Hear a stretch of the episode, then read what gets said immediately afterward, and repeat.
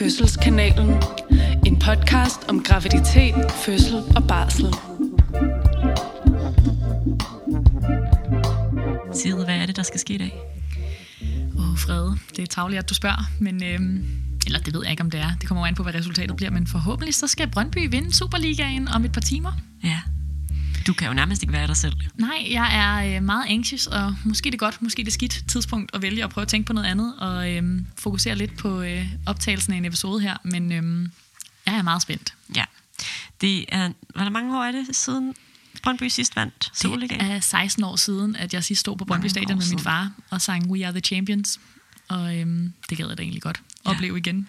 Ud på stadion, det skal du i hvert fald, med mm. din far. Og øhm, så vil jeg sige, at jeg personligt krydser fingre for, at de vinder mest, øh, fordi at jeg tror, at øh, det bliver sjovere at arbejde sammen med dig på torsdag, hvis de har vundet. Helt sikkert. Øhm, ja, Og det er jo lidt angstprovokerende, at dem, der kommer til at lytte til det, de ved det allerede. Præcis. Ja. Så øhm, I ved derude, om jeg bliver lykkelig om lidt eller ulykkelig, men altså, sådan er det jo. Noget andet, vi også lige skal ind og vende i dag, det er øh, noget, vi har gået og brygget på det sidste halve års tid, og som øh, har kostet meget, øh, mest måske bare sved. Ik- ikke så mange tårer, og heller ikke så meget Ikke blod. rigtig noget blod, nej. nej. men vi har virkelig, jeg synes, vi har arbejdet hårdt på det, og øh, det har også taget meget af vores tid her det sidste halve års tid. Og vil du ikke løfte sløret for, hvad det er, Sil? Det vil jeg gerne. Vi har jo lavet et fødselsforberedelseskoncept. Er det ret vildt? Fødselskanalens helt egen fødselsforberedelse, som er lidt af det, vi laver normalt. Forskellen er, at i den her podcast, der dykker vi ned i et emne og folder en masse detaljer ud og deler alt muligt specialiseret viden.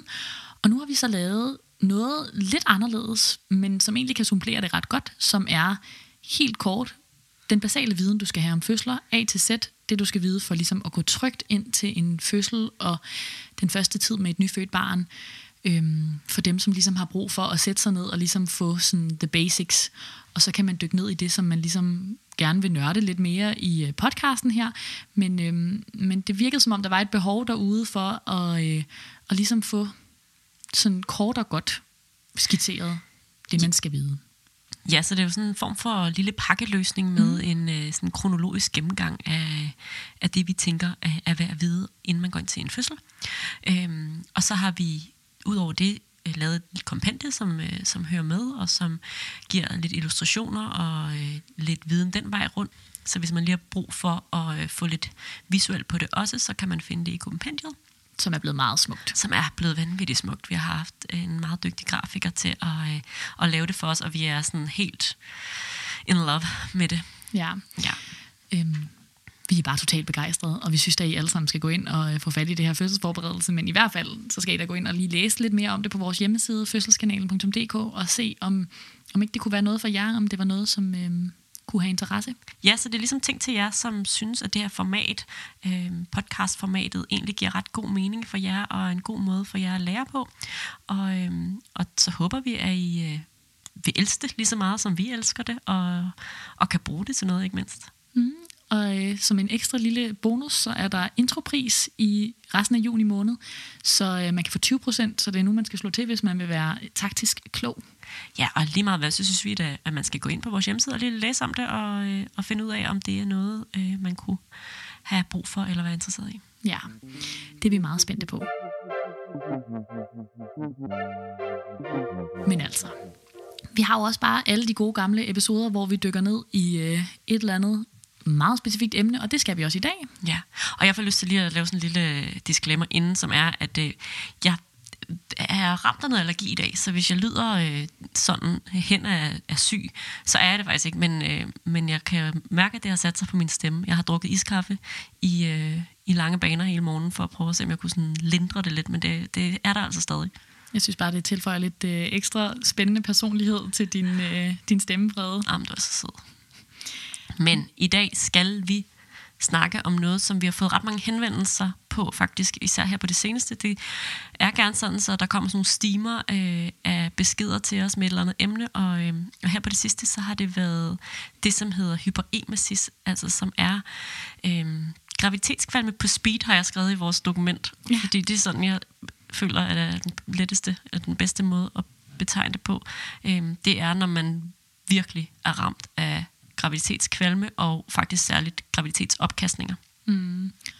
Og det er jo sådan lidt en sjov version af noget, som mange gravide oplever, altså kvalme og opkast, og så bare i sådan en fuldstændig urimelig, voldsom grad. Ja. Og øh, jeg tænker i virkeligheden, at sådan, den her episode er selvfølgelig dedikeret til alle dem derude, som virkelig oplever det her og øh, går igennem en rigtig, rigtig svær graviditet af den grund. Men også til dem, som oplever helt almindelig kvalme, og som også kan have helt vildt svært ved at klare de ting, som man mm. normalt er vant til at kunne klare på grund af kvalmen. Så kan man måske også bruge noget af det, vi snakker om i dag, eller bruge nogle af de tips, vi kommer ind på osv. Men, øh, men helt sikkert så er det til dem derude, som også har skrevet til os, hvor man virkelig kan fornemme, at det har været... Øh, benhårdt.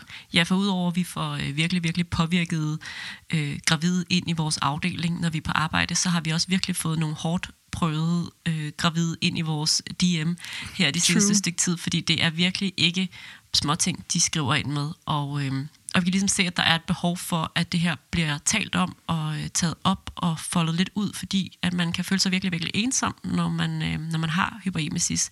Øh, og at andre måske har svært ved at forstå, hvad det lige er, fordi gravitetskvalme og opkastninger er måske sådan lidt en glidende skala, altså fra noget, som vi tænker er en normal del af graviditeten, og så til noget, som begynder at blive øh, i så voldsom en grad, at det faktisk går hen og bliver, bliver patologisk, eller øh, altså til en decideret sygdom. Ja, jeg tror, du har ret i, at der er mange, der nok kommer til at opleve, at der er en arbejdsgiver eller nogle venner eller noget, som siger, Nå, jeg havde også kvalme, da jeg var gravid, eller jeg kender mange, der har haft kvalme, men, men hvor det ligesom er noget andet. Altså det er ikke, kvalme er ikke bare én ting. Det kan se ud på rigtig mange forskellige måder, og, og du har helt ret i, det kan jo gå hen og blive en decideret sygdom, hvis man kaster alt, hvad man putter i munden, op igen. Ja, og for ligesom at... Øh og give et indblik i, hvordan det kan føles at have denne her sygdom, så har vi valgt lige at læse en af de beskeder, vi har fået fra en lytter op. Og vil du ikke gøre det, Sid? Jo, den kommer her. Hej med jer. Fede emner, I tager op.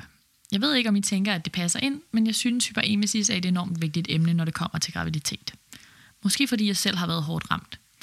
Jeg har selv lige været gravid for anden gang, hvor det endte med 15 kilos vægttab, intravenøs ernæring, prednisolon og meget mere – en graviditet, som var præget af skyld og skam, manglende lyst og tilknytning til baby. At gå fra at ønske et barn til at ønske, at det forsvinder igen. Jeg skulle tage stilling til senabort grundet min fysiske tilstand. Det var svært at tale højt om hele det psykiske aspekt i det, for hvilken mor ønsker ikke sit barn og bebrejder baby i størstedelen af graviditeten. Jeg kunne ikke ernære hverken mig eller hende, derfor den intravenøse ernæring. Det endte ind i gangsættelse i uge 38. Nu er vi selvfølgelig glade, og vi kunne ikke undvære hende.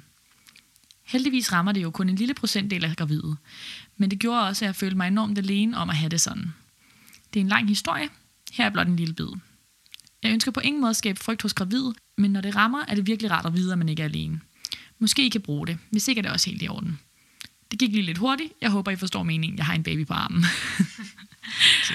Vi forstår 100% meningen, og det er jo nemlig det, altså en del af beskeden handler jo om, ja, vægttabet og medicinering og så videre, men det handler jo også rigtig, rigtig meget om det psykiske, og det der med at føle sig ensom, som du også sagde, Frede. Øhm, og det kommer den her episode selvfølgelig også til at handle rigtig meget om. Ja. Jeg synes, hun øh, siger nogle sådan ret fine ting, som jeg tænker, at den her episode netop kommer til at handle om, øhm, som primært er det psykiske aspekt, men inden vi kommer til det, så tænker jeg, at det kan give mening lige at tage sådan hele den fysiske baggrund øh, bag hyperemesis. Øh, og til det, så har vi en, lavet en lille tekstbog, som jeg tænker, vi kan lægge ud med. Ja, lad os gøre det. Tekstbogen. Hyperemesis gravidarum er den latinske betegnelse for gravitetsbetinget opkastning, som medfører påvirkning af almen tilstanden. Hyperemesis kan føre til dehydrering, vitaminmangel og elektrolytmangel, vægttab og i slemme tilfælde underernæring. Sygdommen kan i perioder være så slem, at man må indlægges til behandling, og ved langvarig hyperemesis kan gravide blive psykisk påvirket af situationen. Sygdommen opstår hos ca. en halv til 3% af alle gravide. Typisk opstår det tidlig i graviditeten og slutter som regel inden uge 20. Til 20% af de gravide, der rammes af hyperemesis, oplever at have det hele vejen igennem graviditeten. Så kort fortalt en virkelig stenhånd sygdom. Det må man bare sige. Og, øh, og det, som jo også er det rigtig træls ved det, det er, at de former for behandling, som vi har, øh, kan hjælpe bestemt. For nogen kan de tage noget af kvalmen og hjælpe på sådan, mængden af opkastninger. Øh, og så selvfølgelig hjælpe til at holde kroppen kørende, men det er ikke sådan, så, at det fjerner kvalmen eller fjerner opkastningerne. Og, og for mange vil de måske også opleve at have meget, meget lidt effekt af den behandling, vi kan give. Og det tror jeg er noget af det, som er sådan det allerhårdeste ved at have hyperemesis, det er, at, at der bare ikke er særlig meget at gøre. Og det er sådan noget med at holde ud, og øhm, for mange, ja, så forsvinder det, når når første trimester ligesom lakker mod enden, eller måske en lille smule inden i anden trimester. Men som vi også hørte i tekstbogen, så for nogen så forsvinder det bare ikke. Og det er det, jeg tror, der er det virkelig, virkelig hårde, at man måske går og ser frem til, at man rammer uge 12, eller frem til, at man rammer uge 20, og så fortsætter det. Mm. Det tror jeg virkelig, du har ret i.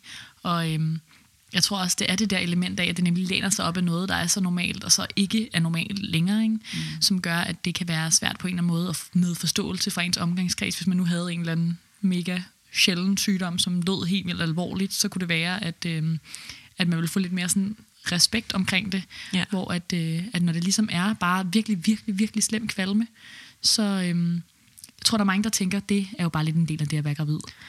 Ja, og fordi at det... Øh i langt de fleste tilfælde i hvert fald, jo ikke er decideret farligt. Det er ikke, fordi det kan det godt blive, hvis man har det i så svær en grad, at man, man slet ikke kan øh, optage næring. Så begynder man jo selvfølgelig som, øh, som sygehus at, øh, at give behandling til at hjælpe med det. Og også det, som, øh, som hun beskriver i sin bes, fine besked her, er jo, at, at man kan godt være så påvirket af det, at det også begynder at, at påvirke ens sådan, egen tilstand og, og også barnets. Men langt hen ad vejen, så er kroppen ret god til at sådan, opretholde sig selv, og øh, er især god til at opretholde øh, den næring, som fosteret ligesom har brug for. Så, så i langt de fleste tilfælde er det jo noget, der opleves øh, vanvittigt voldsomt, men som ja, på papiret måske ikke er det, fordi at, øh, at det ikke er farligt. Ja, det er helt rigtigt. Jeg tror virkelig, at sådan, hovedtemaet i hyperemesis, det er jo, at man har det elendigt. Og så er det måske egentlig ikke så meget omkring det der med, det er farligt, og det er heller ikke, altså, der er jo et eller andet med børn, altså fostre inde i maven, de er sådan nogle ret effektive parasitter. Mm. De er ret gode til bare sådan at suge alt til sig, som de har brug for, og så er det egentlig den gravide, som sådan kommer til at være lidt i under øh, skud af, hvad end det er, der bliver suget. Så øhm, på den måde, så er det egentlig langt hen ad vejen sådan, den gravide og den gravides tilstand, som er det, man er sådan bekymret for, eller det man på en eller anden måde skal gøre, hvad man kan for at blive så lidt ubehagelig som overhovedet muligt. Ikke? Og så tænker jeg, en af de sådan, måske mest oversete ting ved øh, hyperemesis, det hele sådan påvirkningen på det mentale helbred. Mm. Altså at, øh, at jeg tror, at vi øh, er for gode til ligesom at holde fokus på, hvad kan vi gøre for at lindre, eller hvad kan vi gøre for at hjælpe øh, til de fysiske gener, men at man i det også kommer til lidt at underkende, hvor vanvittigt hårdt det er at være øh, ramt af kvalme og opkastninger, og måske indlagt i store dele af sin graviditet, og hvad det ligesom gør for hele ens sådan, både sådan selvopfattelse, men også bare sådan ens øh, følelse af at være i live, at det er, det er der, man bliver udfordret. Ja.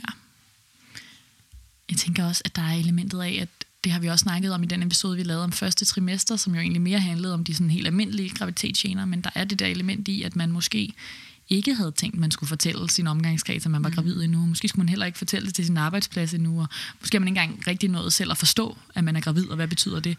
Og så skal man til at håndtere sådan virkelig, virkelig voldsom kvalme øh, på sådan et helt sygeligt niveau. Ikke? Det, øh, det er ligesom sådan et ekstra niveau af bekymring, man, mig, man bare virkelig ikke magter i det her tilfælde. Ja. Så øh, jeg tror, der er virkelig altså mange, der er psykisk udfordret af det her. Jeg tænker, at vi skal bruge meget, meget mere tid på at snakke om om hvordan det føles at have hyperemesis, men vi kunne måske lige kort vende den form for behandling, vi så nu engang har øh, på hospitalet, og det vi kan tilbyde, øh, og så tage den derfra. Og man kan sige, det som jo først bliver påvirket, det er, at man, man som regel går hen og bliver dehydreret. Øh, og der kan man jo gøre meget selv ved at huske og forsøge i hvert fald. Og måske handler det ikke så meget om at huske, men måske handler det mere om at forsøge at drikke og holde noget nede. Og for nogen vil det være, være tilstrækkeligt, at man øh, bare hele tiden minder sig selv om at drikke så meget man nu kan. Øh, små slurke, øh, hyppigt. Men for andre vil det simpelthen være umuligt at, at sådan opretholde en, en god væskebalance. Og så vil man inden ind hos os til noget øh, IV-behandling, altså hvor man simpelthen får lagt et øh, kateter i åren, og så, øh, og så får væske ind gennem det. Ja, det er ligesom det helt store tema sådan ved hyperemesis, men egentlig også bare kvalme generelt i livet, det er jo, at man får mindre lyst til at spise og drikke, og så får man det dårligere. Og hvis man så på en eller anden måde formår at sådan alligevel tvinge et eller andet ned, og selvom man så kaster op, så kan det være, at der er noget, der ligesom er røget ind i systemet, så får man det måske en lille smule bedre. Så det er rigtigt, det du siger, og det er nok også noget af det, der er virkelig, virkelig svært derhjemme, og slet, slet ikke har lyst til at spise, og så prøve at spise en lille smule hele tiden, og drikke en lille smule hele tiden. Ja, fordi det er ligesom det, man jo, hvis man skal undgå indlæggelse, så er det det, der ligesom skal ske, det er, at man får noget indenbords. Og, øh, og har man det i, i virkelig øh, voldsom grad, så begynder vi at være der, hvor vi er lidt ligeglade med, hvad det er, der kommer indenbords. Bare der kommer noget ind, så er kroppen ret god til sådan at sige, det er fint, jeg tager, hvad jeg kan bruge, agtigt. Ja. Men, men du har helt ret i det her, det bliver tit en ond spiral også, fordi at... Øh, at man jo så ikke kan holde noget nede, og så får man det dårligere, fordi ens almen tilstand bliver påvirket. Mm, præcis. Og jeg vil give dig ret sådan, altså, selvfølgelig så sidder vi i jordmorkonsultationen og fortæller om alle de kostråd, man også kender fra biologiundervisningen i folkeskolen og sådan noget, og det rører sgu lidt på hylden, hvis man er der, hvor at alt, hvad man spiser, rører op igen. Hvis man så kan spise altså, kanelgifler som det eneste i denne verden, eller marabu-chokolade, så spis for guds skyld yeah. marabu-chokolade. Altså, det, er ikke, øhm, det er ikke der, hvor man ligesom kigger på, øh, på kostpyramiden så meget, så man bare kigger på, at der skal et eller andet ind. Ja, og så kan man sige, for nogen vil de så opleve på et tidspunkt, at det letter lidt, og så kan det jo være en god idé at tænke, så kan det godt være, at jeg skal moderere min kost en lille smule, så man ikke fortsætter med, med kanelgifler, øh, selv når man måske godt vil kunne få noget andet ned. Så det er jo selvfølgelig det er der, hvor at er det det eneste, så er det det, man gør, og så må man sådan tilføje som hvis at ens øh, tilstand bliver bedre, at så, så kan man tilføje noget andet, og måske lidt mere nærende øh, kost. Helt sikkert, helt sikkert. Og så tænker jeg, at det du siger med, at vi ligesom skal give IV-væske, altså det er nok sådan, der er dem, der ligesom kan være derhjemme og prøve bare at drikke lidt ofte, og så er der dem, der kommer ind til besøg på hospitalet, hvor det er sådan noget med at være der i nogle timer og få noget væske indbords, og så få det en lille smule bedre, så man godt kan tage hjem og være derhjemme og arbejde videre på projektet selv. Og så er der ligesom dem, som er indlagt i længere tid ad gangen, som har det så skidt, at de er nødt til måske at være indlagt i nogle dage eller en uge for at at få nok indenbords til, at de sådan på nogen som helst måde kan komme hjem og tage vare på sig selv. Ja, og der, øh, der holder vi øh, øje med væsketal blandt andet ved, gennem blodprøver, så vi tager blodprøver, og så giver vi væske øh, for at prøve at se, om vi kan få væskebalancen tilbage øh, til noget, noget normalt. Øh, Udover det, så har vi jo også mulighed for at give andre ting, og, øh, og det igen hvis man kaster op i længere perioder og, og får meget lidt næring ind, så øh, kan man være der, hvor, at, øh, som hun også beskriver i sin besked, hvor man simpelthen ikke får de tilstrækkelige øh, næringsstoffer og vitaminer og mineraler og den slags, og så kan man være nødt til at, øh, at supplere øh, med, nogle, med noget næringsholdigt væske, så man ikke bare kan nøjes med, med saltvand, som vil være øh, det første, vi gav, men at man bliver nødt til at, at tilføje. Mm. Og der sker jo også det, som vi også snakkede om i tekstbogen, at man ligesom ja, får øh, vitaminmangel eller elektrolytmangel, hvis man kaster rigtig, rigtig meget op. Og, øh, og det kan faktisk også være en del af behandlingen at give vitaminer. Det kan på en eller anden måde også gøre, at systemet på en eller anden måde får det en lille smule bedre og, øhm, og kommer lidt ovenpå. Men ellers er det jo også bare en del af behandlingen på den måde, at man jo selvfølgelig har brug for vitaminer, sådan som man altid har brug for vitaminer. Og udover det, som ligesom er væske og vitaminerne, man skal have ind i systemet for ligesom at komme lidt ovenpå, så kan man jo også give decideret kvalmestillende medicin, ja. øhm, som kan se ud på forskellige måder. Altså noget af det er sådan, så basic som øhm, noget af det medicin, man kan bruge, hvis man lider meget af søsyge eller køresyge. Øh, selvfølgelig så skal det lige nævnes her, at man ikke bare selv skal gå ind i sit medicinskab og finde et eller andet, man tænker kan hjælpe, men man skal enten snakke med sin egen læge, hvis man ligesom er der, hvor man sådan er derhjemme og håndterer det, og ellers så får man selvfølgelig noget vejledning fra hospitalet. Øhm, og så er der også altså sådan lidt mere hardcore kvalmestillende, som ligesom fungerer specifikt mod det. Det er sådan noget, som for eksempel hedder ondansetron. Ja. Øhm. Og der kan man jo også få altså recepter, som så er noget, man kan tage derhjemme. Det vil sige, har man effekt af ondansetron, så kan man få det øh, på recept, så man kan tage det derhjemme og ligesom holde sin kvalme lidt nede på den måde. Øhm. Men det skal også siges, det er ikke alle, der har effekt af det. Som regel så kan man få ondansetron som, øh, som sådan nogle suttetabletter. Øhm, som opløses i munden, og så virker det den vej rundt. Øh, for det første er det ikke alle, der kan, hvis man er virkelig ramt af hyperemesis, altså kan få det ned. Øh, også selvom det er bare sådan en suttetablet, men, men som simpelthen, lige så snart der kommer noget ind i munden, kaster, kaster det op, og på den måde skyller det ud, før man overhovedet har fået noget effekt af det. Øh, så er man inde hos os, kan man også få det IV, hvor vi sprøjter det direkte ind i oven. Men selv der, så er det bare ikke alle, der har effekt af det. Det må vi også sige. Mm.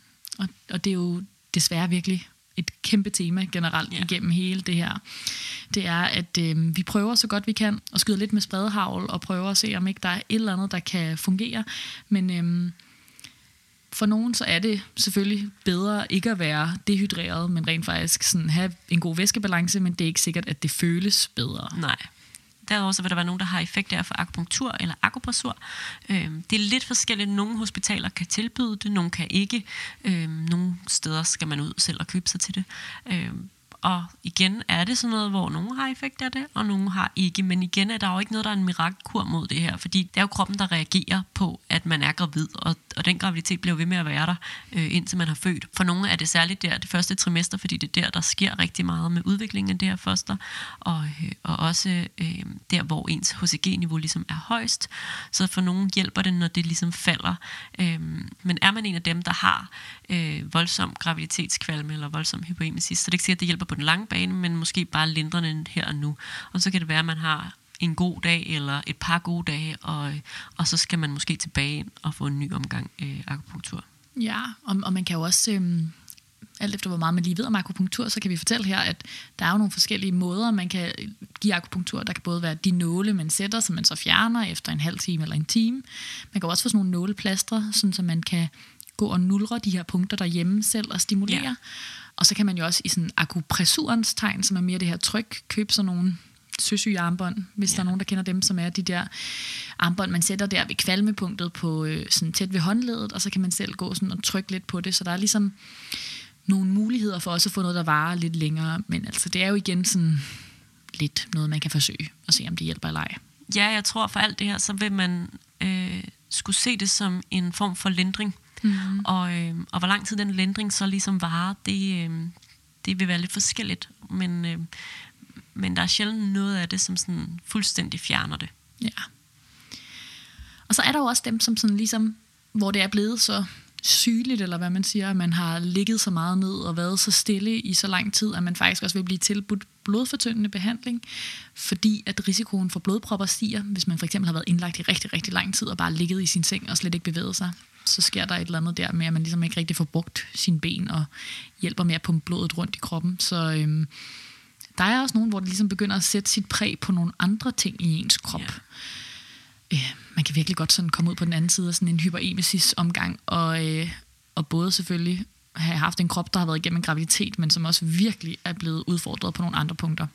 Ja, og, øh, og sådan med alt det, så tænker jeg, at vi har givet et meget godt indtryk af, at sådan, det virkelig ikke er for sjov, det her hyperemesis, øhm, og at det, det er fysisk voldsomt belastende for kroppen, men selvfølgelig også helt vildt belastende for ens mentale helbred, fordi at, øhm, at man bare har det så dårligt. Altså, og, og kvalme, vi har sagt det før, og nu siger vi det måske lige igen, er jo bare noget af det mest sådan, invaderende mm. for ens krop at have. Altså fordi, at det, det på en eller anden måde øh, er meget svært at abstrahere fra.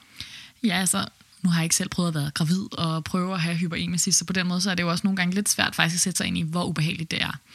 Hvis man skal lave sådan en god sammenligning til, sådan, hvis man har været virkelig, virkelig syg og kastet rigtig meget op, eller hvis man bare har rigtig slemme tømmermænd. Altså det der med sådan at vågne i sin seng og nærmest bare i det, man vender sig om på den anden side, få det helt vildt dårligt og tænke sådan, kast ikke op, kast ikke op, kast ikke op. Og det øhm, er der selvfølgelig et element af, hvis man har influenza, så ved man ikke nødvendigvis lige, hvornår det stopper, men man regner måske med det nogle dage. Og hvis man har tømmermænd, så i mit tilfælde, så tænker jeg i hvert fald, når jeg har sovet en gang mere, så har jeg det på en helt anden måde. Ikke?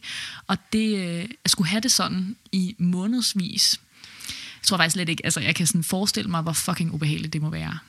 Nej, og det er jo det. Altså, man, man, kan, man kan måske lige overskue 24 timer øh, Ja. med, med tømmermænd. For mit vedkommende i hvert fald, der kan det godt nogle gange trække lidt i langdrag. Men, men at have det i, øh, i måned efter måned, det er, meget, det er på en eller anden måde meget svært at forholde sig til. Og det, det tror jeg også, at det, som tit gør sig gældende for for eksempel pårørende, at, øh, at selvom man måske som pårørende til, til en gravid har prøvet at have kvalme, eller har prøvet at kaste op, og ikke synes, det er så nice, øhm, så er det stadigvæk svært at sådan begribe, hvordan det må være, hvis det var ved, Ja. og ikke bare holder op efter timer, ja, dage.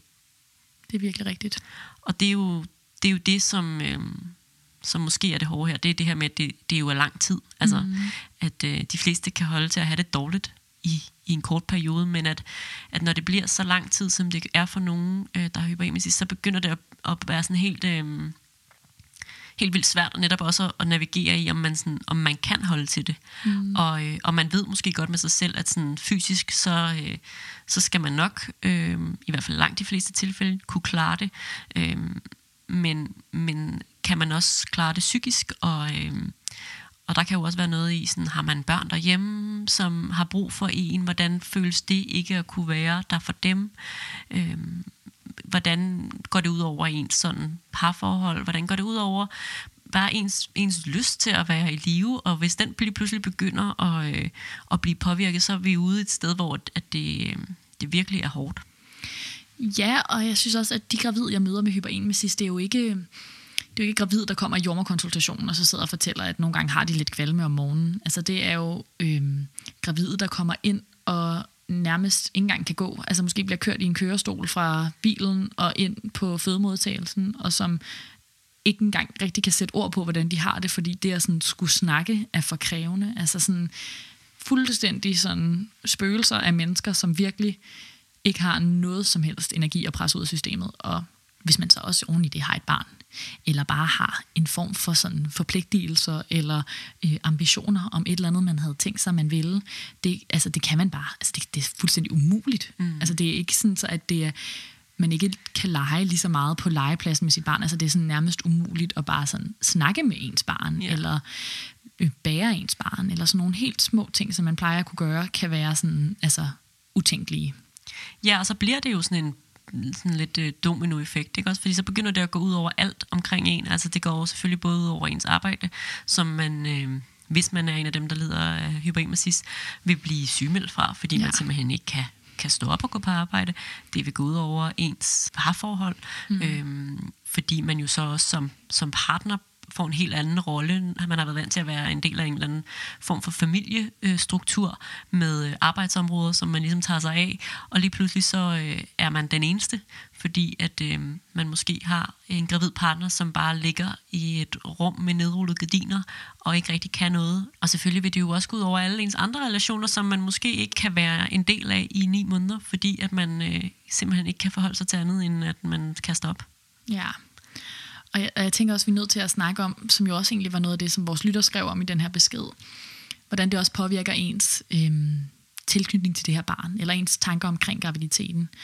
Og øh, man kan simpelthen ikke have hyperemesis uden at nogle gange tænke, at man ikke kan overskue det her. Altså sådan, det er som om, det, det følger ligesom med i pakken af symptomer, så kommer symptomet også, at man bare ikke kan overskue den her graviditet. Og, øh, og det er jo ikke sådan det samme som, at man ikke vil have det her barn, at man ikke vil, når der kommer en baby, have lyst til at, at øh, tage sig af det her barn, og passe på det, og opdrage det, men man kan måske ikke overskue påvirkningen af ens krop lige nu. Og måske kan man også godt have følelsen af, sådan, måske har jeg faktisk ikke lyst til at have det her barn. Altså, er jo ikke som i, at når det står her, vil jeg ikke øh, elske det, eller vil jeg ikke have lyst til, at have- at det er her, men som i den rejse, der er til det mm. punkt, hvor jeg står med barnet i, armene, kan, kan jeg måske faktisk ikke magte. Jamen, også fordi det kan være svært, hvis man har haft kvalme i lang tid, og forestille sig, at man nogensinde ikke skal have kvalme. Og så kan man måske heller ikke helt overskue, at man skal følge et barn i vuggestue med kvalme, og man skal øh, amme et barn midt om natten med kvalme. Og det er jo ikke det, man skal. Men det kan jo sagtens være blevet ens livsopfattelse, at alt, hvad jeg gør her i livet, det skal jeg gøre med kvalme. Så sådan, mm. alt kan bare blive uoverskueligt. Ja. Og måske ja. er det også nogle gange der, hvor man netop be, altså begynder at tænke, det, det tager for meget af mig. Altså det, mm. det tager øh, måske det her særligt med at have et barn i forvejen, forestiller jeg mig i hvert fald må være noget af det, noget af det sværeste, at man, øh, altså ni måneder er jo langt i et barneliv, ikke? at man i de ni måneder ligesom ikke føler sig som en god forældre, og det er jo sådan et, et sted, der er virkelig, virkelig ømt og sårbart, øh, at man ikke føler sig tilstrækkelig i forældreskabet. Mm. Og så kan man jo godt rationelt sige, at det er fordi, jeg lige nu ikke er rask. Men, men jeg tror, det kan være svært i praksis altid at gøre det. Ja, og jeg tror i virkeligheden, det du siger der, det er et tema for sådan alle flergangsgravide, som har gener i en eller anden voldsom grad. Det kan også være bækkenløsning, det kan ja. også være alt muligt andet, men det er bare svært, hvis man har et barn i forvejen. Og nogle gange, så tror jeg også, det er det, der gør, at man ikke får flere børn. Altså, at man har haft hyperemesis i første graviditet, og det simpelthen er nærmest utænkeligt, at man skal gå igennem det igen. Og, øh, og man kan jo godt sidde som øh, teenager eller i start 20'erne og tænke, jeg skal have tre børn, og de skal sidde på hele bagsædet, og mm. vores familie skal se sådan og sådan ud. Men, men for nogen er det simpelthen så hårdt arbejde at være gravid, at, at og det er jo ikke det samme, som, som vi snakkede om, det der med, at man vil fravælge et barn, når barnet står der. Men, men der er bare virkelig lang vej igen, når man tisser på en pind, og det er en positiv graviditetstest, og der er ni måneders kvalme foran en. Ja. Eller tre måneders kvalme foran en. Det er fandme også ja. sindssygt. Og i, i den sådan forbindelse vil der være nogen, der simpelthen ender med konklusionen, at, øh, at vælge en senabort eller en abort. Øhm, og det tror jeg også er øh, både tabubelagt, men også øh, vildt svært at forholde sig til, hvis ikke man har siddet øh, i den situation, det er at måske have to børn derhjemme og øh, have nummer tre på vej og være ramt af kvalme, og måske har man en øh, historik bag sig med graviditetskvalme i ni måneder, begge graviditeter, og bliver så ramt her tredje gang og tænker, det kan jeg simpelthen ikke. Ja, jeg tror, du har ret i, at det nok især er, hvis man har børn i forvejen, men der er jo også dem, som er nødt til at gøre det første gang, de er gravid. Altså nødt til at få en abort, fordi at, at det her på en eller anden måde er uudholdeligt. Og, og det kan jo være vildt svært at sådan, og det skal man faktisk i virkeligheden overhovedet ikke dømme udefra, fordi det er jo kun det menneske, som er gravid, der ved, hvordan føles det at have den her kvalme.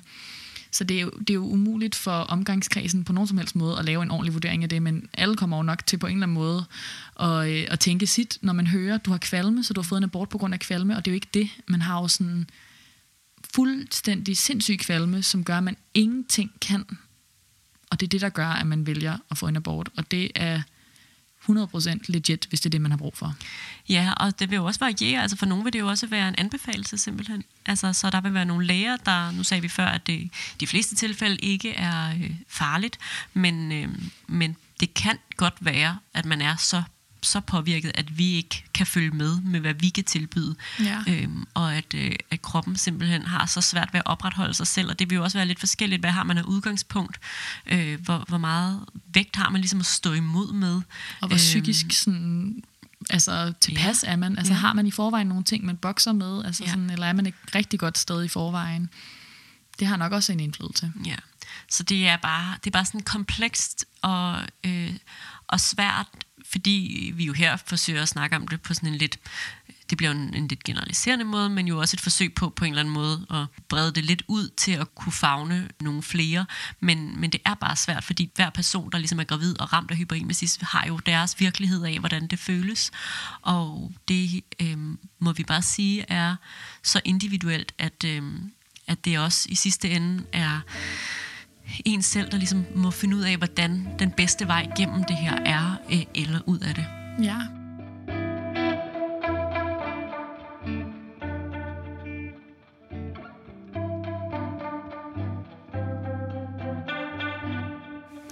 Og jeg synes især det, du siger med, at det kan være en anbefaling fra en fagperson, eller måske i hvert fald et tilbud om, om man ikke skulle have den her abort for at ligesom komme ud af det her.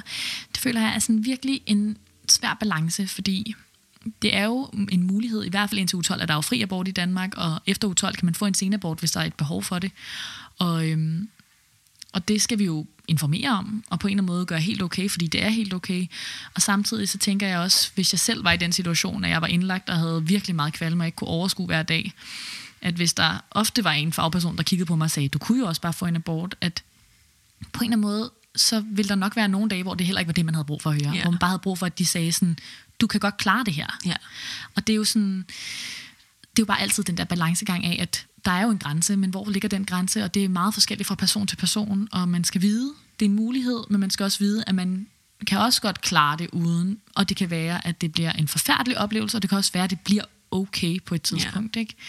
Øhm, men men det, er, det er simpelthen så svært, hvor, hvor den der sådan, informationsgrænse skal være. Også som pårørende, kunne jeg forestille mig. Ja. Altså ikke bare for fagpersoner. Og det er jo der, hvor at det er rigtig vigtigt, at man på en eller anden måde har en dialog med de fagpersoner, man har omkring sig, og, øh, og kan snakke om de her ting, og kan i fællesskab, eller i hvert fald gennem sådan en eller anden form for informationsrække, nå til et sted, hvor man tænker, det er det her, jeg gør, og det er det her, jeg har det godt med at gøre. Mm. Ikke også? Og, og, øhm, og så er det jo et fælles projekt, ligesom hvis man vælger at beholde graviditeten, for os at få jer godt igennem graviditeten, eller så godt som vi nu kan. Og igen er det jo det, der er det svære ved det her, det er, at vi kan ikke fikse det, vi kan ikke helbrede det, vi kan ikke øh, få det til at forsvinde, før kroppen ligesom selv mm. får det til at forsvinde, og, og vi ved ikke, hvornår det er. Det er klart, har man tidligere har haft graviditeter, hvor man har haft det ni måneder, så er der en sandsynlighed for, at man vil opleve det samme.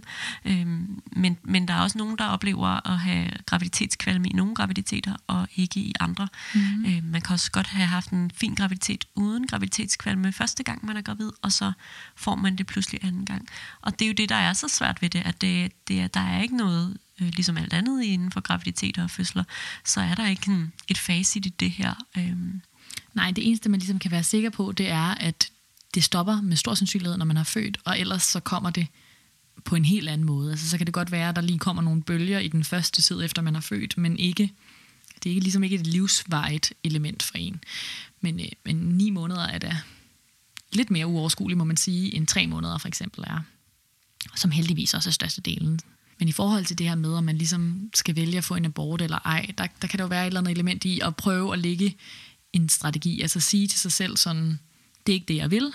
Og så sige, når det ligesom ikke er det, vi snakker om, men hvor man ligesom har besluttet, at, at man skal beholde graviditeten, men man stadig har det virkelig, virkelig skidt, så behøver man ikke at gå rundt og være lykkelig for at være gravid hver dag. Altså det er ligesom ikke de to poler, der er. Man må gerne sige sådan, jeg skal ikke have en abort, men jeg fucking hader det at være gravid, og det kommer til at være sådan her i ni måneder, og jeg kommer ikke til at være glad for at være gravid særlig meget, hvis overhovedet ikke. Og, øh, og det er også okay. Det er ikke det samme som, at, øh, at man er en dårlig forælder, eller kommer til at blive en dårlig forælder, når der er et barn ude. Det handler simpelthen om at øh, på en eller anden måde prøve at eliminere skammen. Altså hvis man så bare kan hade at være gravid, men ikke skamme sig, så er det måske lidt bedre, end at hade at være gravid og skamme sig. Jeg synes, det er en virkelig god pointe, det der. Altså, at, at ligesom pille det der element af dårlig samvittighed, ja. man også jo bliver ramt af, når man måske ikke ønsker graviditeten, men ønsker barnet på den anden side. Ja. Og det kan jo godt, altså, ting er bare komplekse, og ambivalens er jo en kæmpe del af det at være øh, gravid med hyperemesis, fordi man måske er planlagt gravid og gerne vil have det her barn, men bare er ramt af kvalme og opkastninger i en sådan grad, at, at man slet ikke kan sådan overskue, at der kommer en dag i morgen. Ja. Og, og det vil jo gøre, at man, som du siger, måske har den her følelse af, sådan, jeg er ikke glad for at være gravid. Jeg føler ikke, at det er lykkeligt eller noget som helst. Jeg kan slet ikke forestille mig, at det holder op det her. Jeg kan ikke forestille mig tiden med mit nyfødte barn. Så lige nu synes jeg, det her er helvedes til. Men hvis man så også i, oven i det skal dele med følelsen af øh, at have dårlig samvittighed, eller skamme sig, eller føle sig skyldig, så bliver det bare altså jo dobbelt op på op ad bakke. Præcis. Og så nogle gange så tror jeg også sådan, altså, hvis man så sådan lige tænker lidt videre, så er der jo alle mulige mennesker omkring en, som glæder sig til det her barn. Det kan være, at man har en partner, det kan være, at man har nogle forældre, måske har man nogle venner, der glæder sig til, at der kommer et lille barn. Og så kan man måske uddelegere glæden til, at der kommer et barn. Og så kan det være, at man siger sådan, det er øh, det store barn, jeg har i forvejen, og min kæreste, der glæder sig til det her barn. Jeg overlever bare. Og så er der ligesom nogen i ens omgangskreds og verden, som, som går og tænker alle mulige tanker og køber alle mulige ting og er sådan helt vildt glade og spændte. Og så kan man selv bare prøve at drikke vand og ikke kaste op. ja, ja jamen det er rigtigt. Altså det, øhm, og og til det må der netop bare være sådan et element af overlevelse. Altså det må mm. være det, der er ens, ens vigtigste opgave, og det er at komme gennem dagen. Og når den dag er så gået, så er det at komme gennem den næste. Og måske ikke tage hele de ni måneder på en gang, altså i sit hoved, men tage det en dag ad gangen. Ja. Og så, øhm, så må man jo på en eller anden måde prøve at gøre det så, så rart for sig selv som muligt, eller få implementeret nogle, nogle rare elementer i løbet af dagen eller i løbet af ugen, øh, alt afhængig af, hvad, hvad der lige giver mening for en. Øhm, og det kommer vi sådan lidt, lidt nærmere ind på om, om lidt. Men mm. jeg fik lyst til lige at sådan, måske også lige nævne det her med, at det er jo også det, hun beskriver, at, øh, at det kan føles enormt ensomt at, øh, at være i den her situation. Og det, øh, det tror jeg er sådan et af de også helt øh, sådan generelle keywords i hyperemesisen. Og det kan jeg virkelig godt forstå. Altså også fordi, jeg kan godt forestille mig det her med, at, at øh, alle omkring en vil bare gerne have, at man får det bedre. Altså ens partner vil gerne have, at man får det bedre. Ens familie vil gerne have, at man får det bedre. Øh, vi som fagpersoner vil jo faktisk også bare gerne have, at man får det bedre. Det vil sige, at man bliver jo mødt af sådan, har du det bedre? Agtigt rigtig mange gange. Ja. Og jeg tror, sætningen, har du det bedre, kan være rigtig, rigtig hård, fordi at svaret som regel bare vil være nej. Mm. Og, øhm, og jeg kan godt sådan også lidt se mig selv være, være den person, altså det her med, hvis vi har folk indlagte med hyperemesis, og, øh, og kommer ind til dem i løbet af vagten et par gange, at vi vil bare gerne have, at de får det bedre.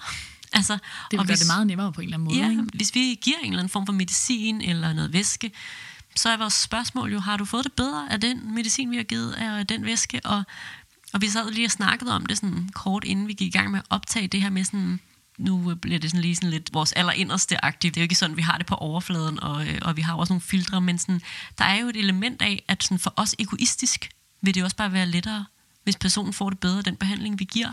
Helt sikkert.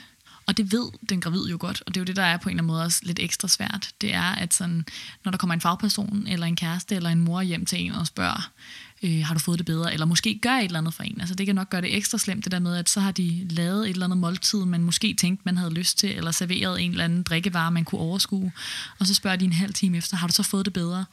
Og man ligesom ikke kan svare ja, men man bare kan sige sådan, nej, det er det samme, som jeg har været i hele tiden, det er forfærdeligt at selv hvis der så er nogen, der er rigtig gode til at vise det, som siger sådan, det er også helt okay, og sådan, eller bare siger, øv, det er jeg ked af at høre på dine vegne, så er folk jo lidt irriteret over det inde i sig selv et sted. Altså det, du snakker om, det dybeste indre. At det er jo ikke fordi, der går en fagperson rundt ude på gangen og siger, hold kæft, hvor hun irriterende mand, hun får det ikke bedre. Nej, nej, nej. Men man er jo sådan, øv, nå, Hmm, yeah. hvad skal vi så gøre? Hmm, hvad kan vi så gøre? Altså sådan det der løsningsorienterede, sådan, der må der være en eller anden løsning, vi kan finde på det her. Og det er bare ikke sikkert, der er det. Så selvom sådan folk ligesom, hvis man er ekstremt heldig, og alle omkring en ikke viser, at de er irriteret, så er de det jo nok stadigvæk på situationen, og det yeah. kan meget hurtigt blive på den gravide, selvom det ikke er den gravide skyld. Ikke? Ja, det er meget det der. Det er jo klart på situationen, når man er irriteret, og det er jo også det er jo, det er jo følelser ligesom alt muligt andet, og, øh, og vi er kæmpe fortaler for, at følelser må godt være der, men selvfølgelig skal de jo ikke, det gør i hvert fald ikke livet lettere for den gravide, hvis ens omgangskreds ligesom giver udtryk for de her følelser over for den gravide. Men jeg tror bare sådan hele elementet i, mm, at man på en eller anden måde, man føler sig jo heller ikke som et interessant menneske, når man har hyperemesis. Man er jo ikke et interessant menneske. Og det er jo så fair, fordi man, som vi lige har været inde på, kæmper jo for at overleve. Men men vi vil jo alle sammen gerne være søde, rare, dejlige, interessante mennesker. Og det er jo også lidt det, vores øh, selvopfattelse er bygget op omkring. Vi måske er vi endda nogen, der sådan bryster os lidt af at gøre gode ting for andre, eller øh, at vi har en rolle i den her verden, som vi tager seriøst, og som er en kæmpe del af ens sådan, selvopfattelse. Og jeg tror, det her med, sådan, om det så er, at man er en god forælder, eller om man er en god medarbejder, eller en god øh, partner, eller hvad det er, man er, øh, så det her med at på en eller anden måde være noget i relation til sin nærmeste, det tror jeg for langt de fleste er kæmpe vigtigt. Og det er jo også noget, der bliver udfordret, når man så har det dårligt og den del tror jeg kan være virkelig, virkelig øh, altså svær, også selvom at alle er søde omkring en og hjælper en og øh, bærer over med en, og, og selvfølgelig gør de det, fordi de kan se, at man har det hårdt, men, men, men det ændrer jo ikke ved følelsen af måske bare ikke at være tilstrækkelig, fordi man ikke kan andet end at sippe en eller anden form for saft af et glas, der står lige ved sengen, uden at røre sig så meget. Mm. Ja, jeg tror, du er ret i, at der er mange, der ligesom føler, at deres værk er koblet op til en form for produktivitet. Ikke? At sådan, hvor meget man har nået i løbet af dagen, og hvor meget man har nået i løbet af ugen, fortæller noget om både, sådan, hvor godt et menneske man er, og også bare, sådan, hvor godt man har det med sig selv. Og der vil vi bare sige, at man er god bare fordi man er. Ja. Og, og det er jo det, man skal sådan, man skal bare være. Altså man skal bare på en eller anden måde blive ved med at være. Og så er det bare ekstremt imponerende, at man kan klare det. Og ekstremt imponerende, at der er et lille væsen, der gror inde i en, imens man har det så elendigt. Altså sådan, Ja.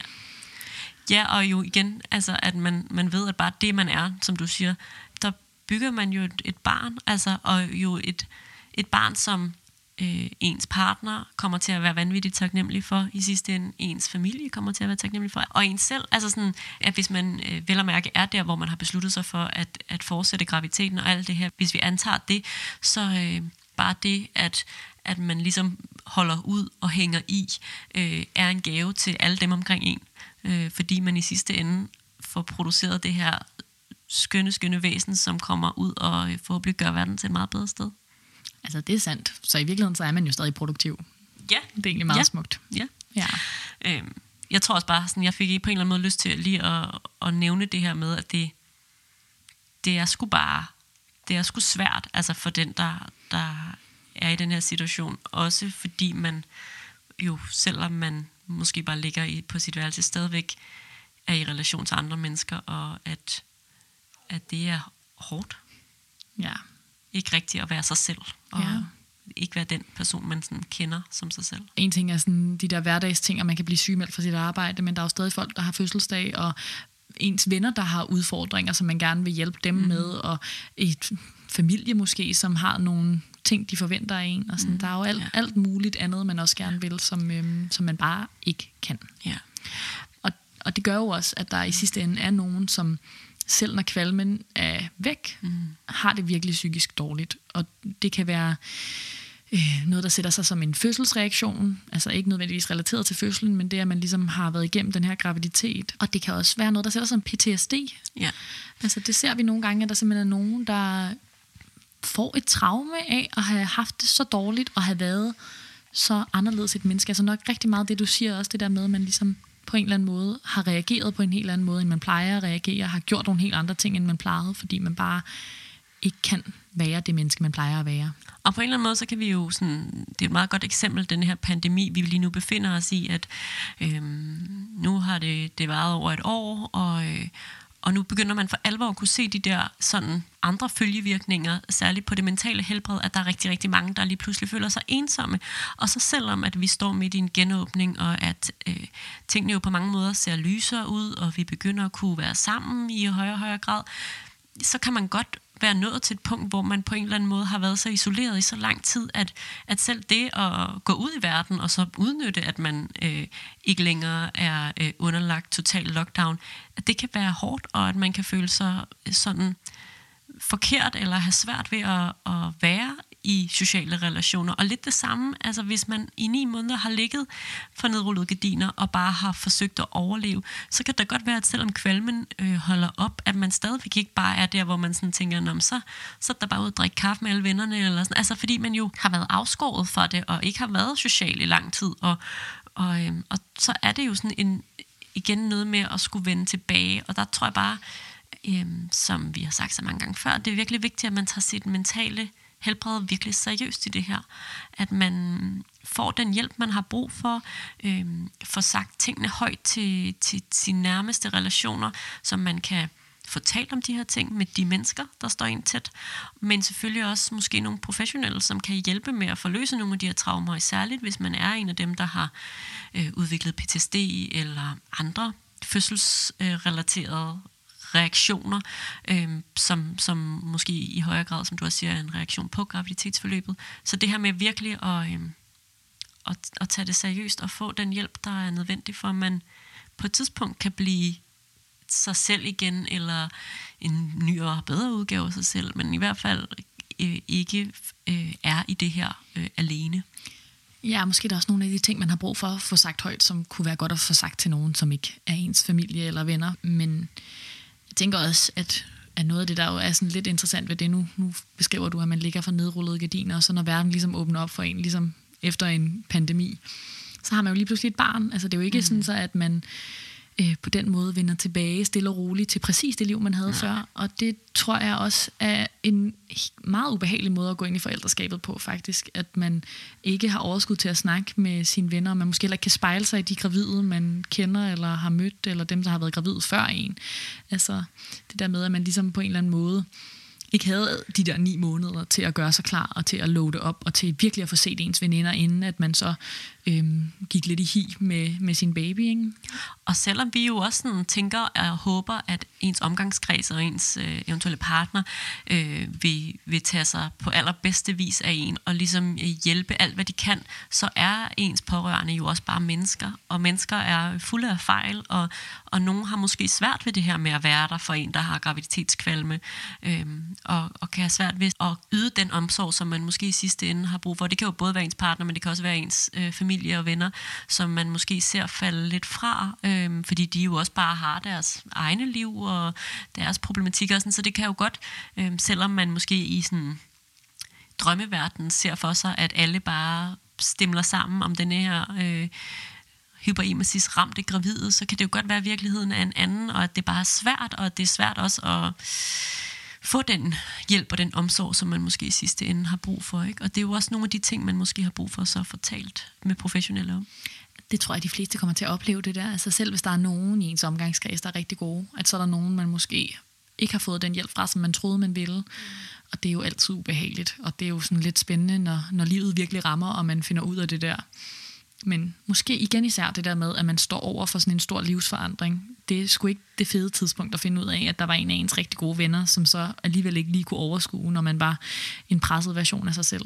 Øhm, det må virkelig være fucking ubehageligt. Ja, det er jo ikke ens betydende med, at det venskab så aldrig kommer til at ligesom være der igen, eller forsvinder for altid. Eller sådan. Men, det, men det er jo bare det her med, at, at det er en, måske nogle ting, der ændrer sig, eller det kan også være, at ens parforhold virkelig har lidt hårdt under, under de her ni måneder, fordi man, man har været en helt anden udgave af sig selv, og ens partner har måske virkelig følt, at øh, vedkommende er kommet til kort, og ikke har kunne, kunne hjælpe med noget, og føle sig utilstrækkelig, og, og ikke rigtig har vidst, hvordan øh, vedkommende skulle hjælpe. Og, sådan. og alle de her følelser er jo, er jo følelser, og, og det, de er jo så berettiget, men kan jo være virkelig svært, når de ligesom rammer, og når øh, man så måske er to mennesker, der lige pludselig er underskudsramte, fordi hvor, hvor skal man så finde overskud, hvis ikke der er en, der ligesom kan, kan mønstre og, og opretholde et overskud, hvad gør man så?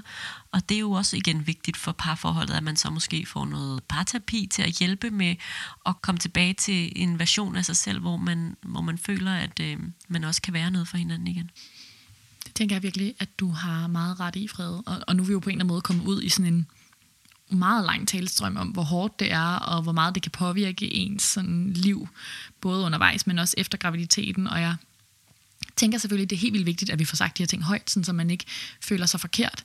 Men jeg tænker også, at vi skal øhm, måske sådan stille og roligt slide over i de gode idéer, vi har. Og det er jo ikke på sådan en, nu har vi jo frygtet, at vi selv vil blive de løsningsorienterede yeah. mennesker, der siger, at det er så så træls, men så kan I bare lige gøre de her to ting, og så bliver det meget bedre. Det er 0% tænkt på den måde. Men øhm, hvis man kan finde noget, der bare lige kan tage toppen af ubehaget, eller toppen af den dårlige samvittighed, ja. så, øhm, så tænker vi, det kan gøre en forskel alligevel. Og i virkeligheden jo bare vores forsøg på at byde ind med noget, som måske kan, kan gøre, altså drøse en lille smule sukker ud over det her rigtig træls forløb. Ikke? Så, så det er ikke fordi, vi tænker, det er en løsning overhovedet. Vi tænker, det er måske mere bare som, som ting, der kan gøre det mindre trist og træls. Yes.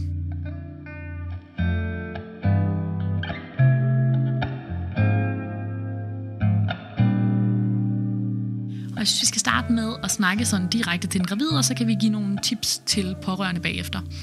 Øhm, men jeg tænker, at noget af det allerførste, som der er vigtigt at sige til den gravide, det er, at man simpelthen skal øhm, på en eller anden måde få fat i sin omgangskreds, mobilisere de kræfter, man nu kan finde, øh, og så bare uddelegere, og ikke forvente så meget af sig selv. Altså ja. ligesom se, hvem har jeg af mennesker, jeg kan sådan bruge, og så øh, lægge alle de helt almindelige hverdagsarbejdsopgaver over på dem. Og igen, lidt apropos det, vi lige snakkede omkring med øh, ens nære relationer, der vil helt sikkert også være nogen, som, øh, som ikke ser det, hvis ikke man rækker ud. Altså som ikke netop ved, hvor, hvor slemt man egentlig har det, fordi man jo bare ligger derhjemme og måske skriver en sms, jeg har, jeg har kvalme, og så tænker man, nå, det er jo også lidt træls. Men, men det her med at få rækt ud og få, få fortalt, jeg har det faktisk rigtig dårligt, og jeg kan ingenting. Jeg har brug for din hjælp. Og det er mm. rigtig svært for os, måske særligt her i sådan det senmoderne samfund, fordi vi bare er så vant til at køre vores eget lille sololøb. Men det er et af de tidspunkter, hvor det er virkelig vigtigt, at man forsøger, om man kan række ud og bede om hjælp. Ja, og måske kan der ske det igen, at man ligesom får skrevet en sms til en af ens venner, og skrevet, jeg har kastet op i 14 dage, og så tænker ens ven, Nå, men det er fordi du er gravid. Og, øh, og måske orker man ikke selv at skulle være den, der skal forklare det, så kan man enten finde en eller anden side på nettet, man kan linke til og sende, det er så alvorligt som det her.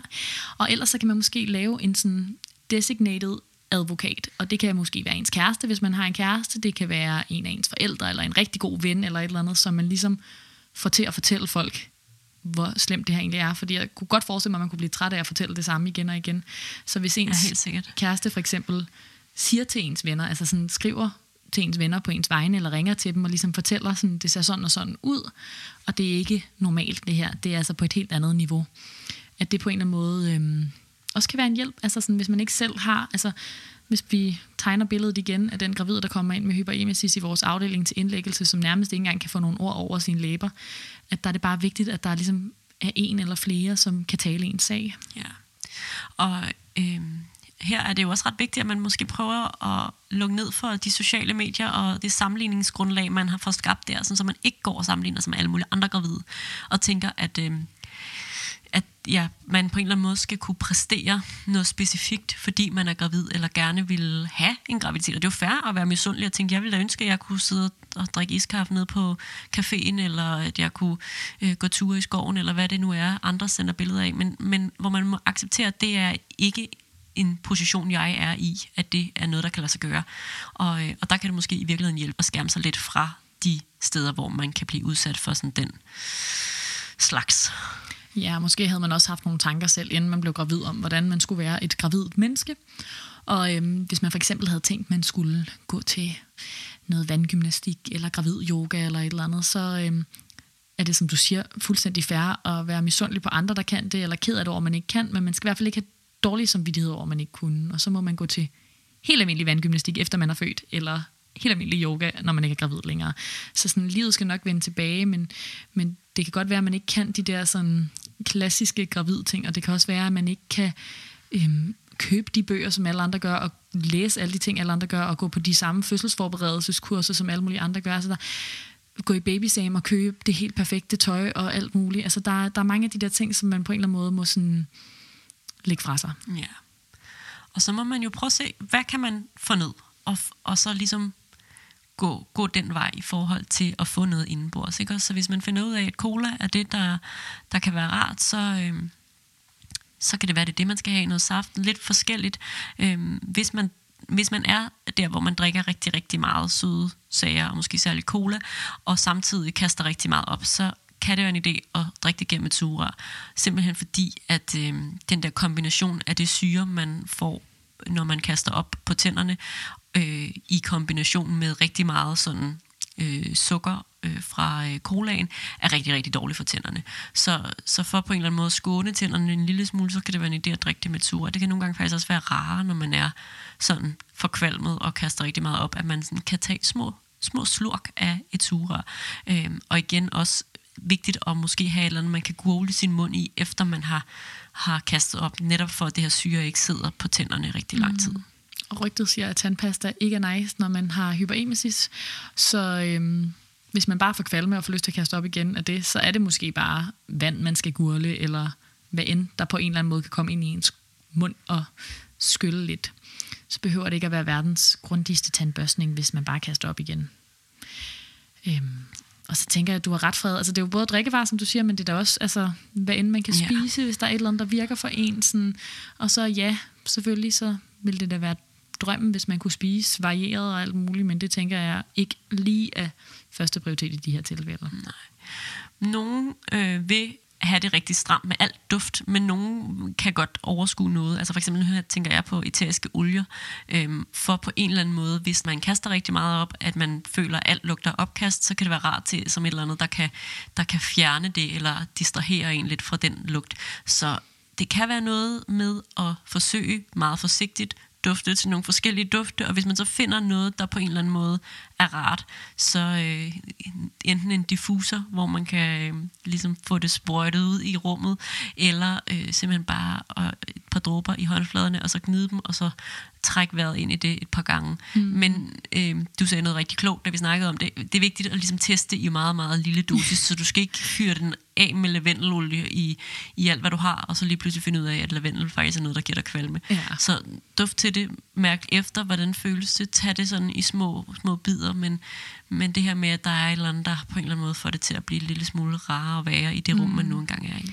Og jeg tænker, at man godt må køre et sådan hardcore luftdiktatur hjemme hos sig selv. Altså sige sådan, øh, der er en eller anden parfume, som øh, min kæreste går med, som jeg hader. Den nedlægger jeg veto imod. Eller der er en bestemt ost, som der er nogen i den her husstand, der gerne vil have. Den kommer ikke til at være i husstanden i de næste par måneder. Og Helt klart. det der rensemiddel, vi bruger til toilettet, det kan jeg ikke lide, så skal det også ud. Altså sådan, man, må, man må simpelthen få lov at bestemme den slags ting. Det er jeg så enig i, fordi det, altså, alt, der kan, alt, der kan gøre det mere tåligt at være til stede, må være, være det, der skal ske. Ikke? Mm. Øhm, og så har vi snakket om, at måske er det noget med at finde en, en eller anden rigtig, rigtig lang serie. Jeg kan foreslå Grey's Anatomy. Det, kunne Det også er være, verdens længste serie, ja, tror jeg. Det kunne også være noget andet godt. Ja. Men det her med at have et eller andet, som man kan sådan sige, okay, så er, det, så er det det, jeg gør. Og det kan godt være, at man kun kan se et kvarter gangen, eller 10 minutter gangen, og det kan også være, at man er så syg, at man faktisk ikke kan ud og se noget, og så må det jo være det. Men er man der, hvor man faktisk godt kan lige kan overskue og forsvinde lidt ind i en eller anden verden, hvor der er nogle andre, der har nogle andre problemer, hvor man ikke behøver at beskæftige sig med sig selv og sine tanker og sit hoved, mm. så kan det måske faktisk være en måde at, at gøre øh, hverdagen en lille smule mere tålig på. Det kan også være, det hjælper, hvis man virkelig, virkelig har det skidt at se folk, sådan du ved, blive gennemboret af metalpæle, eller have sådan nogle sjældne sygdomme, der aldrig sker i virkeligheden, og sådan noget, som, det, som er det, der sker i Grey's Anatomy. Sådan, Ja. Så der virkelig faktisk er nogen, Noget, godt nogle nok fik skyddrama Præcis. og, og noget, ja. et eller andet crazy, sådan, så man måske kan føle sig en lille smule mere normal. ja, det kan godt være. Jeg tror, det er et godt, godt forslag. Ja. Og så har vi faktisk også øhm, lavet en liste over tips til en eventuel pårørende, som jeg tænker, vi også lige skal igennem, fordi der er faktisk nogle, øhm, nogle ret fine nogle. Ja, men øhm, jeg vil da gerne lægge ud med et godt tip til en pårørende. Jeg tænker, at øhm, har man ligget og kastet op i lang tid, eller bare haft kvalme, så øhm, har man det nok ikke så nice. Så føler man sig nok en lille smule klam. Så en eller anden form for sådan nursing, altså måske sådan lidt hygiejneagtigt, hvis man kan lave sådan et lille øh, vådservietsbad, eller sætte en plastikstol ud under bruseren, og sådan faktisk lidt bade den gravide, øhm, måske børste den gravides hår, eller flette det, sådan, så det kommer lidt væk, hvis man kaster op. Øhm, det der med at finde en måde at skylle munden, eventuelt finde en tandpasta, som på en eller anden måde smager mindre forfærdelig, eller bare skylle munden med noget vand. Det der med ligesom at sådan sørge for lige at få sådan, måske presset en gravid til at få gjort nogle af de der ting, altså hjælpe, men et kærligt puff. Kærlig pres. Øhm, ting, som man ikke kan overskue, når man ligger der, men som faktisk gør det meget mere behageligt at ligge der. Og så måske sådan noget, altså som at lave et fodbad, som, som jo også er lidt en hygiejne-ting, men ikke kræver, at man helt går ud under bruseren, eller en sådan fodmassage, eller et eller andet sådan lækkert på den måde. Ja, og noget omsorgsfuldt i det, ikke også? Altså Ja. det her med sådan, at, at netop at, at tage, når man ligger der og ikke rigtig kan overskue noget, så tage, tage en del af ansvaret for, at de her ting bliver gjort, og at, øh, at det kan godt være, at et fodbad faktisk vil være virkelig, virkelig rart, men at man slet ikke kan overskue og sige sætningen, jeg kunne godt tænke mig et fodbad, eller, sådan, mm. eller overhovedet ikke er der, hvor man kan tænke så langt. Mm. Så det her med at, øh, at tilbyde sådan nogle ting, som, øh, som måske kunne, kunne være rart i sidste ende, men som øh, man som gravid måske ikke kan, kan overskue selv at sætte i gang. Ja, og jeg tænker også, at man kan være den, der ligesom står for hele den der friske luft eller friske duft, som på en eller anden måde hjælper. Altså øhm, luft ud, skift posen eller spanden, som der bliver kastet op i ofte, og gå ned med skraldet. Altså ud med den skraldepose mange gange dagligt, hvis, hvis den på en eller anden måde lugter. Øhm, og du foreslår også, Fred, at man lige frem sådan rengjorde køleskabet. Altså hvis man, det er jo også lidt forskelligt, hvordan det er med køleskab, men der kan jo være mange ting i et køleskab, der kan lugte. Altså fjernet alt, hvad der kan lugte øhm, på en ubehagelig måde, og så bare kørt et meget, meget clean hjem. Ja.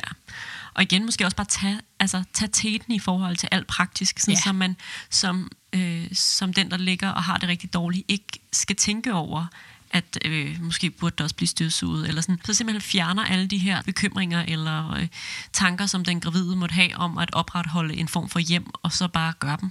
Præcis. Øhm, Og gør ja. det uden brok også, fordi at, Ja.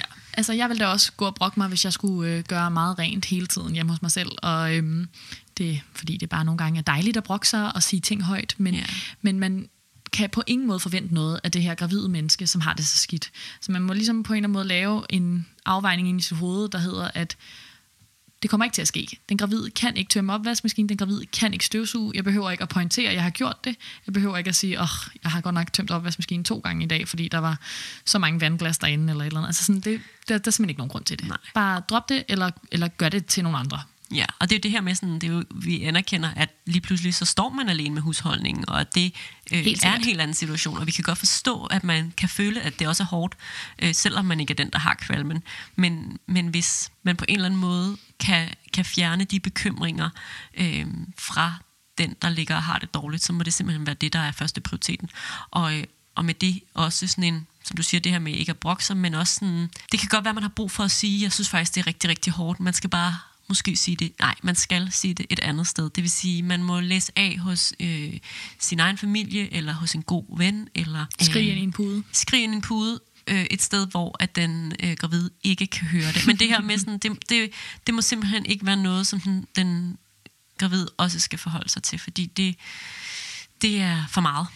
Jeg føler jo faktisk, det går meget godt i tråd med at være på en fødestue. Altså når man jo også godt kan være træt og udfordret som partner til en gravid, eller som ven til en gravid, der er med til fødslen, så er det ikke den fødende, man skal sige det til. Det er lidt det samme, at sådan, det, det kan vedkommende simpelthen ikke bruge til noget, øhm, og det er ikke det samme som, det ikke er pissehammerende hårdt og virkelig svært for en selv, men, men det er et andet sted, man skal finde den støtte. Ja. Ja. Og, og så må man bare simpelthen forvente dårligt humør og irritation. og Ja. altså det, det her med, at det er ikke, du vil ikke kunne genkende din, din kæreste eller partner nødvendigvis. Øhm, vedkommende vil være anderledes, end man er vant til at se. Øhm, Kør et meget sådan et kæmpe tykt filter, der hedder, at øh, der er ikke noget, man må tage personligt. Altså sådan, det er ikke fordi, at, at man gør tingene forkert. Man, man gør det så godt, man kan, og man prøver noget forskelligt, og så kan det godt være, at man kommer hen med en smoothie, man lige har brugt øh, lang tid på at købe ind til at blende, og så bliver der ikke drukket en tår, og man synes faktisk, det er lidt provokerende. Men, øhm, ja. men man må prøve. Det er godt nok svært. Altså det, det er også mange, mange store krav, vi stiller nu, men man skal virkelig prøve ikke at tage det personligt. Ja, og det, altså, det er måske bare værd at huske på, at det går over på et tidspunkt. Altså sådan, yeah. fordi, at, at jeg tænker, jeg kan godt forstå, hvis man sådan ser det som sådan en, kommer til måske i hvert fald at se det som sådan en eller anden forandring, der så kommer til at være ved for altid. Mm. At det er jo ikke der, vi er. Altså, vi er et sted, hvor at, at det går over, øh, ligesom vi siger til den gravide, det går over, når den her baby kommer ud. Øh, men det er jo ikke ens betydende med, at det ikke er hårdt at være i det i ni måneder. Men man bliver simpelthen nødt til at, at bide tænderne sammen og være sådan, det, det er sådan, det er lige nu, og vi tager det en dag ad gangen. Og nogle gange kan det også hjælpe på en eller anden måde at tænke sådan, det er jo faktisk værre for den gravide, der ligger der og kaster op. Selvom man synes, at det er godt nok er hårdt at skulle lave al maden, eller hårdt at skulle gøre rent, så er det jo faktisk værre ikke at kunne, fordi man har det elendigt. Og sådan, nogle gange så, altså nu sidder jeg jo her og preacher og lader som om, at jeg selv er et perfekt menneske, der aldrig kunne finde på at, øh, at være irriteret eller vred, men øhm, jeg føler sådan en sådan lidt en oplevelse af det her var, øhm, da jeg boede sammen med min søster, og hun havde hostet i tre uger. Og jeg mener sådan, vi sov på soveværelser et stykke fra hinanden, og hver nat vågnede jeg af, at hun hostede, og jeg var ved at blive vanvittig. Og så på et eller andet tidspunkt kunne jeg ligesom bare ikke sådan holde det tilbage, og så begynder jeg ligesom at skælde hende ud over, at hun skal hoste og vække mig. Hvor til hun jo bare siger sådan, altså siger, det er jo 100% værre at være den, der hoster, og der er jo også host, du ikke hører, og sådan, det er jo ubehageligt for mig at lave den her lyd, det er jo ikke noget, jeg bare sådan gør. Og der, øh, jeg kunne også godt mærke sådan, altså sekundet, jeg havde brokket mig, så kan man jo godt fornemme sådan, det her får jeg intet ud af, og det, det er slet ikke det rigtige sted at hente støtte. Altså jeg skal ligesom ringe til en af mine venner og sige sådan, fuck mand, jeg sover så dårligt, fordi min Ja. søster hoster hele tiden, men, men det er jo ikke hende, der skal give mig den støtte, og det er måske en åndssvag sammenligning, men det er jo lidt det samme med, at sådan, det er jo mega frustrerende, men det er jo ikke noget, vedkommende gør med vilje, og det er ikke noget, vedkommende på nogen som helst måde har indflydelse på. Og jeg føler jo, at det leder os meget godt videre til vores næste punkt, som er, øh, prøv at lade være med at komme med øh, egne oplevelser og sådan sammenligningsgrundlag. Så det her med at sige sådan, uh, jeg kan også godt huske, at jeg selv havde kvalme, eller sådan, det kan godt være, at, øh, at det ikke er noget, man i hvert fald skal gøre over for den gravid, som sidder og har det rigtig, rigtig dårligt. Øh, Helt sikkert. ja, Helt sikkert. Så kan der også være noget sådan helt lavpraktisk i, og sådan, hvis man har overskud i hvert fald, at være god til at prøve at finde det mad, som den gravide nu end kan spise, eller de drikkevarer, den gravide kan spise. Hvis der lige pludselig kommer en eller anden form for craving, skynd dig ud og hent det, fordi det kommer også dig selv til gode. Hvis den gravide får spist lidt og får det en lille smule bedre, så bliver det også bedre for dig at være hjemme i det her hjem. Så, sådan, så det, det kan godt være ego musklen, der også bare gør det. Ja, og det bliver jo på en eller anden måde et fælles projekt, det her med at få den gravide igennem den her periode, fordi mm. at vedkommende kan ikke klare det uden hjælp, og, øh, og er man partner til en gravid, så vil det som regel være øh, en, der står for den hjælp. Og det er netop noget med at finde ud af, okay, hvad kan vi servere? Øh, hvornår skal, skal du i bad? Hvordan, hvordan kan vi gøre det her på en måde? Og så må man lade det være til ens mission. Det er at, at bære sin partner, sin gravid partner, så meget som overhovedet muligt igennem det her forløb. Ja. Det er vildt nok, og vi kan godt forstå, hvis det er hårdt, både for den gravide og for, øh, for pårørende omkring. Ja. Det er øh, faktisk helt vildt forfærdeligt. Men, øh, men det gode er jo, at det varer ikke for evigt, og det kan på en eller anden måde være et godt mantra at have, både som pårørende og også som gravid, eller måske som pårørende at sige til den gravide, at sådan, det er helt vildt hårdt det her, du skal nok komme igennem det, og du kommer ud på den anden side, og den her kvalme vil forsvinde helt. Altså lidt ligesom at ens tømmermand jeg kan sige til sig selv, i morgen så har jeg ikke kvalme. Så kan man også sige til den gravide sådan, om fire måneder har du ikke kvalme. Ja. Og det lyder fuldstændig sindssygt, men der vil komme en dag uden kvalme igen. Ja, så det her med også at være sådan, altså moralsk opbakning igennem ja. forløbet som partner, og til, til den gravide, så er det måske, kan et sidste sådan råd være at, at holde fokus på de sådan tidspunkter, hvor man har en lille smule mindre kvalme. Vi er godt klar over, at det måske ikke er, der ikke er noget tidspunkt, hvor man slet ikke har kvalme, men bare det, at i løbet af en dag vil det også gå lidt op og ned. Og i løbet af en uge vil der måske også være en dag, der var en lille smule bedre end de andre. Og selvom at det ikke gør det her vanvittigt meget lettere at være i, så gør det det måske i virkeligheden en lille smule lettere, at man havde øh, en halv time, hvor at kvalmen faktisk var tålelig, øhm, og at man måske lige efter man har kastet op, mærker en lille smule lettelse, og så er det måske lige at nyde den, så længe den varer, og så ved vi godt, at kvalmen kommer tilbage, og man kaster op igen, og at det, det er ikke fedt, men måske er det der, hvor ens fokus faktisk skal ligge for, at man kommer sådan helt igennem det her. Ja. Der kan jo også være et element af at sådan finde nogle gravide, der minder om en selv. Altså det der med, at det var ikke sådan her, man havde tænkt, at ens graviditet skulle være, og man kan føle sig meget alene med den oplevelse. Øhm, nu har en lille Google-søgning fortalt mig, at der findes en Facebook-gruppe, der hedder Støttegruppe Hyperemesis Gravidarum. Og så findes der også en øh, ret fed Instagram-profil, som vi faktisk også har fået anbefalet af et par af vores lyttere. Som ja, hedder... som er der, vi har hentet mange af vores tips altså til, til både den gravide og partneren i virkeligheden. Ja, og øh, den side hedder Hyperemesis Gravidarum, altså M-U-M. Men jeg tror, hvis man begynder at skrive det, så, øh, så dukker ja. den op for en. Vi kan også øh, linke til den, når vi øh, lægger øh, et opslag op til, det her, til den her episode på øh, Instagram. Men det er en, der selv har oplevet at have hyperemesis tre gange, og som ligesom laver nogle ret sjove tegninger, Ja. og ligesom bare sætter ord på, hvor fucking hårdt det er, og også giver rigtig mange gode tips til, hvordan man kan få det en lille smule bedre, eller komme igennem det. Ja, så det er altså en kæmpe opfordring lige at gå ind og Ja. øh, kigge lidt nærmere på den, og måske øh, bare føle sig en lille smule mindre øh, unormal og freaky. Præcis. ja. Og selv hvis man ikke selv har øh, hyperemesis, men hvis man kender nogen, der har haft det skidt, eller bare kender nogen, der har haft graviditetskvalme, så er det altså en ret sjov Instagram at gå ind og kigge på. ja. Yes. Og det tænker jeg faktisk er ved at være det for i dag. Øhm, Det tror jeg også. er du enig? Ja. Ja, fedt. Det er dejligt, når vi er enige. Ja. Jeg synes, vi har øh, været meget godt omkring både alt det svære og Ja. alle de ting, man på en eller anden måde kan prøve at tage med sig, og måske kan afhjælpe en lille smule. Jeg fornemmer, når jeg sidder og kigger ned på mine rekorder her, at det er blevet en ret lang episode. Øhm, og, øh, og det tror jeg bare er sådan, det skulle være. For jeg tror faktisk, at det var et emne, der havde brug for at få noget tid og noget plads. Mm. Og, øhm, og jeg føler, at vi er kommet meget godt omkring de diverse ting. Jeg er helt enig. Jeg synes, vi skal bare øh, afrunde det her. Ja, og så får jeg lyst til lige som det sidste at sige, at øh, vi jo stadigvæk tager imod donationer med kysshånd.